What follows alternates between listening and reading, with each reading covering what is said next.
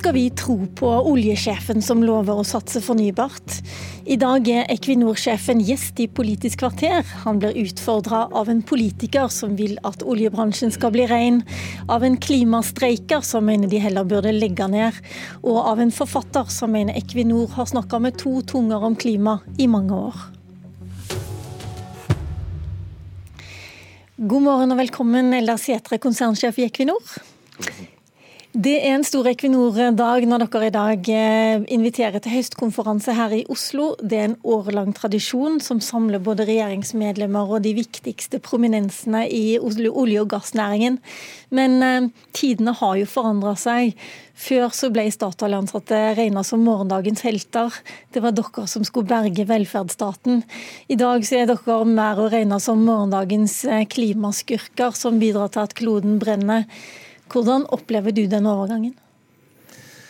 Ja, la meg aller først si at jeg, er, eh, jeg, var veldig stolt av å få begynne i selskapet for nesten 40 år siden, og jeg er fortsatt veldig stolt av å jobbe i, i dette selskapet. Um, uh, og det skal alle våre ansatte være. Uh, jeg eh, er også et utålmodig menneske, og jeg har vært med på veldig mye forandring gjennom disse nesten 40 årene. Og, eh, og, Det er kanskje det som har gjort meg aller mest stolt, at vi er et selskap og en industri som evner å tilpasse seg og forandre seg. Og Det tror jeg er en egenskap som kommer til å bli veldig viktig når vi skal eh, bevege oss inn stadig nærmere en, et lavkarbonsamfunn og må endre energisystemene. og Norsk sokkel må endres, kommer til å bli annerledes enn det har vært. og, og Den endringsviljen og, og, og evnen til å endre endre oss, det, det tror jeg blir veldig viktig fremover. Store, den store endringen fra i fjor, da, da du holdt denne høstkonferansetalen din, så, så, har dette klimaopprøret blant ungdom kommet. Er, du er vel ikke noe sånn stor helt for disse klimastreikerne som tok til gatene, men hva tenker du egentlig om dem og det engasjementet deres? Ja, jeg, jeg, jeg, jeg, aksepterer fullt ut at jeg kanskje ikke er noen helt i, i, i blant, blant, de, men uh, jeg må si at jeg forstår veldig godt uh, det utgangspunktet de har, den, den utålmodigheten de uttrykker. Og, uh, og, vi vet jo at olje og gass det må reduseres, og særlig oljeforbruket må reduseres kraftig hvis de skal nå de målene som er nedfelt i Parisavtalen. Jeg snakka med en av klimastreikerne i går kveld, Hanna Lein Mathisen fra Oslo, Unge Venstre. Hun var med på å arrangere streikene, og hun har en utfordring til deg her. Eh, jeg vil jo at eh, Equinor skal innse at eh, deres næring og deres investeringer ikke er bærekraftige. At når Equinor sier at de skal bli et bærekraftig energiselskap, så er det utrolig, en utrolig stor ansvarsavskrivelse at 95% av investeringen deres fortsatt er i olje og gass.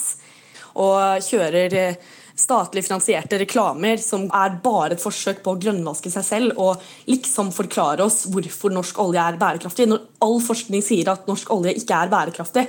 Men vi lever jo mye av inntektene fra den næringen som Equinor eh, holder liv i, da? Absolutt. Jeg er utrolig takknemlig for alle godene og velferdssamfunnet som vi har bygget opp på oljepengene.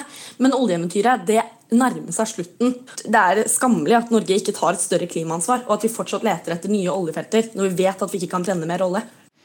Skammelig, sier Hanna Lein Mathisen der. Ehm, hva er det som gjør at du eh, tro, mener du skal bli trodd på at du er bekymra for klimaet, samtidig som du sier bare absolutt nei til hovedkravet deres, som er å sette en sluttdato?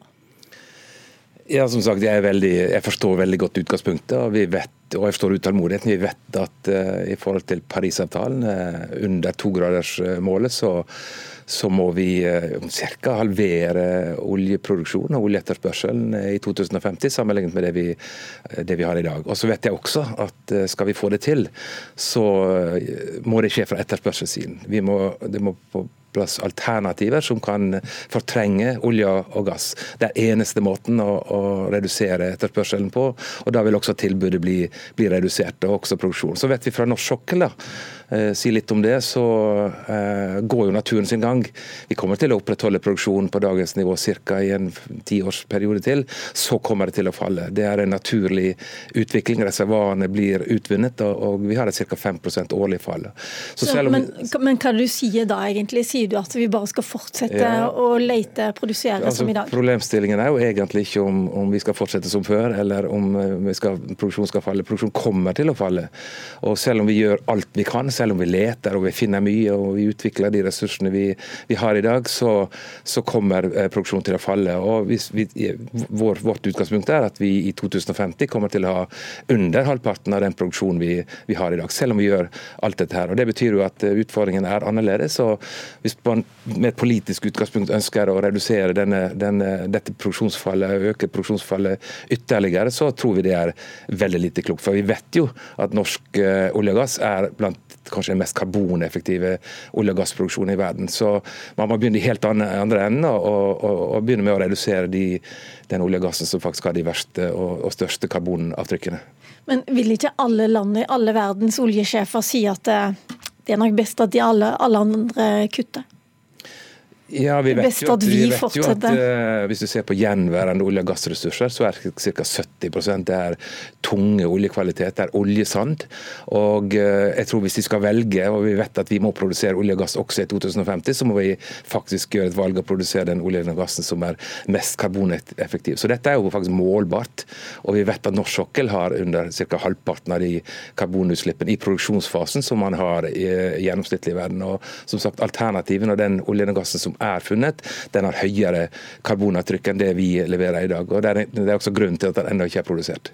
Men Det internasjonale energibyrået sier jo nå at oljeforbruket kommer til å stige fram mot 2040. Jeg skjønner ikke helt hvordan henger det sammen ja, det med det du jo, sier, at det skal det falle? Et, ja, Det er jo et, et, scenario som de har laget, som er basert på dagens eh, politiske vedtak og holdninger. og, og I det perspektivet så kommer oljeproduksjonen til å, til å øke. Det gjør den fortsatt. Vi ser også at til og med kullforbruket fortsetter å, å øke, og CO2-utslippene øker. Og dette må vi jo snu, dette må endres, og det, det haster. Og, og, så er de også laget et scenario som er da dette Men, men altså, dette må snu, dette må endres, sier du. Er det bare vi for, som forbrukere, vi skal kjøpe elbiler, vi skal velge andre løsninger, dere skal bare fortsette som før? Ja, dette er jo en, en løsning som må jobbes med fra alle sider. Dette, og Her er vi tydelige på at vi må, vi må samarbeide om dette. Og det må utvikles alternativer. Det er jo derfor vi jobber med fornybar energi. Fornybar energi vil bidra til å fortrenge olje og gass over tid. kommer til å ta, ta tid, men det er jo disse alternativene. og Det er derfor vi jobber med også f.eks. hydrogenproduksjon, karbonfangst og -lagring. at vi kan få produkter som da kan, kan fortrenge olje og gass i den formen vi har i dag. 5 så, så det kan... ble det nevnt her. Lein Mathisen sier 5 av alt Equinor driver med er fornybar energi. Det er jo ikke veldig mye. Nei, men det kommer nok til å endre seg ganske fort. Vi har jo nå eh, fått, eh, fått muligheter innenfor eh, offshore vind, som er ganske betydelige. Og vi vet jo at de investeringene de kommer til å utgjøre ca. 130 milliarder kroner de nærmeste årene. og Det er ganske betydelig, og vi kommer til å investere den aller største delen av, av dette. Så, så, så, investeringen vår på 5% kommer raskt til å bli en høyere andel av investeringen vår totalt sett i løpet av ganske kort tid.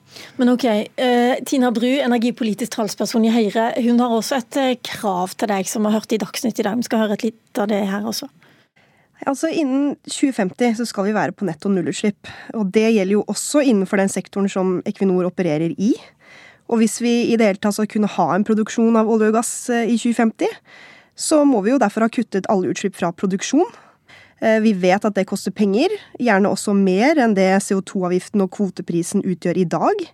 Men hvis vi venter helt til det blir nok, så risikerer vi kanskje å være for sent ute.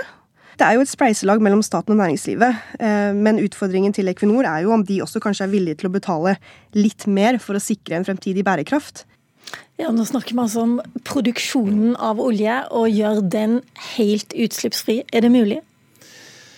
Vi, vi, har relativt lave utslipp på norsk sokkel i dag i en global sammenheng. Men jeg er veldig tydelig på at vi kan og må redusere utslippene betydelig og, og vesentlig i forhold til det relativt gode utgangspunktet vi har i dag. Null er jo en, nesten, det er nesten ingen del av samfunnet som har, som har null. Selv Johan Sverdrup har faktisk CO2-utslipp, selv om de er veldig, veldig, veldig små. Men det som er viktig for oss, er jo at vi Så null er ikke mulig, tror du? Ja, null er, er, jo, er, er jo, et veldig, ja, veldig krevende utgangspunkt, da. Men Det vi må gjøre, er å, å, å bidra til utslipp på norsk sokkel og kraftige utslippsreduksjoner som kan gjøre at vi kan si vi er kompatible da, med, med, det netto eh, null eh, som, som, samfunnet generelt eh, har. Og Det er vårt utgangspunkt. og jeg vet at Vi kan gjøre veldig mye. Vi jobber med veldig mange prosjekter, f.eks. elektrifiseringsprosjekter, som kan bidra til å redusere utslippene på, på norsk sokkel betydelig. Og I tillegg så jobber vi med karbonfangst og -lagring, og det vil jo faktisk kunne bidra til eh, negative utslipp. At vi faktisk tar vare på å fange CO2 og lagrer det i reservoarene våre. og Det er også en viktig del av klima- og karbonregnskapet. Men vil dere ta mer ansvar for eh, de 90% av utslippene som faktisk kommer fra, fra norsk olje og gass, eh, som ja, handler om det, når man brenner olje og gassen? Ja, altså For det første så vil vi jo ta ansvar for eh, den CO2-utslippen som skjer i produksjonsfasen. og Vi kommer til å jobbe med, å, å, å jobbe med tiltak som vil kunne gi ganske vesentlige reduksjoner. Og så engasjerer vi oss også i det vi kaller scope 3, som er da forbrenningsfasen. Og, og karbonfangst og -lagring er jo et viktig element i det. Fornybar energi, at vi bidrar til energi som kan fortrenge olje og gass, er et viktig bidrag til det. Så dette kommer vi til å gjøre Eh, engasjere oss aktivt i. Men, men det er et ansvar som alle må være med å dele. Ok, nå I høst så kom boka 'Giganten', som handler om eh, overgangen fra Statoil til Equinor. Forfatter Åge Borchgrevink skriver om Equinor som den femte statsmakt pga. den enorme innflytelsen dere har hatt på norsk samfunnsliv. Han skriver også at Statoil er verdens mest vellykka nasjonale oljeselskap, men på området klima mener han dere har et problem. Jeg tror det de opplever nå er en tillitskrise som i stor grad er eh, selvforskyldt. Og I boken min så har jeg eh, snakket med veldig mange kilder, også internt i selskapet, som er opptatt av at selskapet et, eh, i, over tid da, har drevet med et slags dobbelt bokholderi på, på klima. Altså, De sier én ting, men så gjør de noe annet. Eh, og Det er mange eksempler jeg kunne trukket fram, da, men bare for å nevne ett, så er eh, f.eks. Eh, Equinor medlem av en amerikansk bransjeorganisasjon som heter American Petroleum Institute. Og Den er ganske beryktet for å være en av liksom, drivkreftene da, i den organiserte klimafornektelsen i USA. Så altså på, ett, eh, på den ene siden så sier selskapet at de har en ambisjon om, om, om, nullutslipp. På den andre siden så er de med i den type organisasjoner som har vanskeliggjort klimapolitikk i en generasjon. Så jeg lurer på om Eldar Sætre hvordan han tenker at selskapet skal få troverdighet i disse spørsmålene, uten å ta et oppgjør med den historien. Ja, Hvordan tenker du det, Eldar Sætre? For, for, det første rundt uh, hva vi gjør og ikke gjør. Jeg tror vi har, vi har sagt at vi skal investere 15-20 av, av investeringen vår inn mot fornybar energi. Men nå, akkurat nå spurte han jo. Vi er godt på vei i forhold til det, og vi gjør minst det vi har sagt vi skal gjøre. Så Når det gjelder uh, uh, vår posisjon i forhold til den type organisasjoner, så vil jeg si at vi er et selskap i vår industri som, som jeg tror jeg kan si med, med, med hevet uh, hode er en, et ledende selskap innenfor energi og transformasjon og de endringene vi må skje. og vi er, Det, det knytter seg til hvordan vi produserer olje og gass, uh, avkarbonisering, fornybar energi. og Da blir det faktisk slik at nesten uansett hvilken bransjeorganisasjoner vi er en del av, så, så oppstår dilemmaer. Skal Men som vi være en så med på dette, eller, eller mm. ikke? Og Det er viktig for oss det er jo at vi disse organisasjonene da eh, faktisk gir oss mulighet til å gjennomføre den politikken og den strategien som vi, vi står for, og ikke på noen måte hindrer oss å gjøre det. Og så gir det også, også muligheten faktisk til å påvirke disse organisasjonene fra innsiden. Dette er dilemmaer. Det er organisasjoner vi ikke kan være med på. Eh, og så er det organisasjoner som helt klart er, trekker i vår retning, og så er det andre organisasjoner vi må gjøre, gjøre vurderinger. API er en, en, en, en slik organisasjon. For, for et par dager siden så så, så jo, tok vi et helt avvikende synspunkt når det gjelder metangassutslipp i USA, i forhold til det den organisasjonen gjør. Det forhindrer oss ikke fra å være medlem av den organisasjonen. Men likevel, kan dere være medlemmer i en organisasjon som støtter klimafornektende forskning? Ja, det er jo et dilemma. Jo, ja. og, og, og, Står man på utsiden, så, så, kan man jo ikke påvirke dette fra, fra, fra, innsiden. Så det er et dilemma når vi har Og vi som jeg sier, vi er ofte et ledende selskap innenfor nesten alle disse organisasjonene uansett. Og, og, da er det et dilemma. Skal vi være med og prøve å påvirke det fra innsiden? Kan vi, kan vi gjennomføre vår politikk sånn som vi ønsker, eller, eller må vi stå utenfor? Du, Ella Setre, jeg har ca. 50 spørsmål som jeg også skulle ha stilt, men tida vår renner fra oss. Jeg bare lurer på én ting. Jeg har lest i avisa at eh, du er mot eh, oppløpssida i din karriere som sjef i Equinor, er det riktig? Du vet hva, jeg, jeg har det veldig godt i den jobben. Jeg trives veldig godt. og Jeg er seiglivet, så, så jeg, og jeg er ikke gammel. du har ikke tenkt å gi deg? Jeg er seiglivet, og en gang så kommer jeg helt sikkert til å gjøre det, men, men jeg har det veldig bra i den jobben. Da får du ha hjertelig takk for at du kom i Politisk kvarter, og lykke til med høstkonferansen som starter klokken ni i dag. Mitt navn er Lilla Sølhusvik, og dette var dagens Politiske kvarter.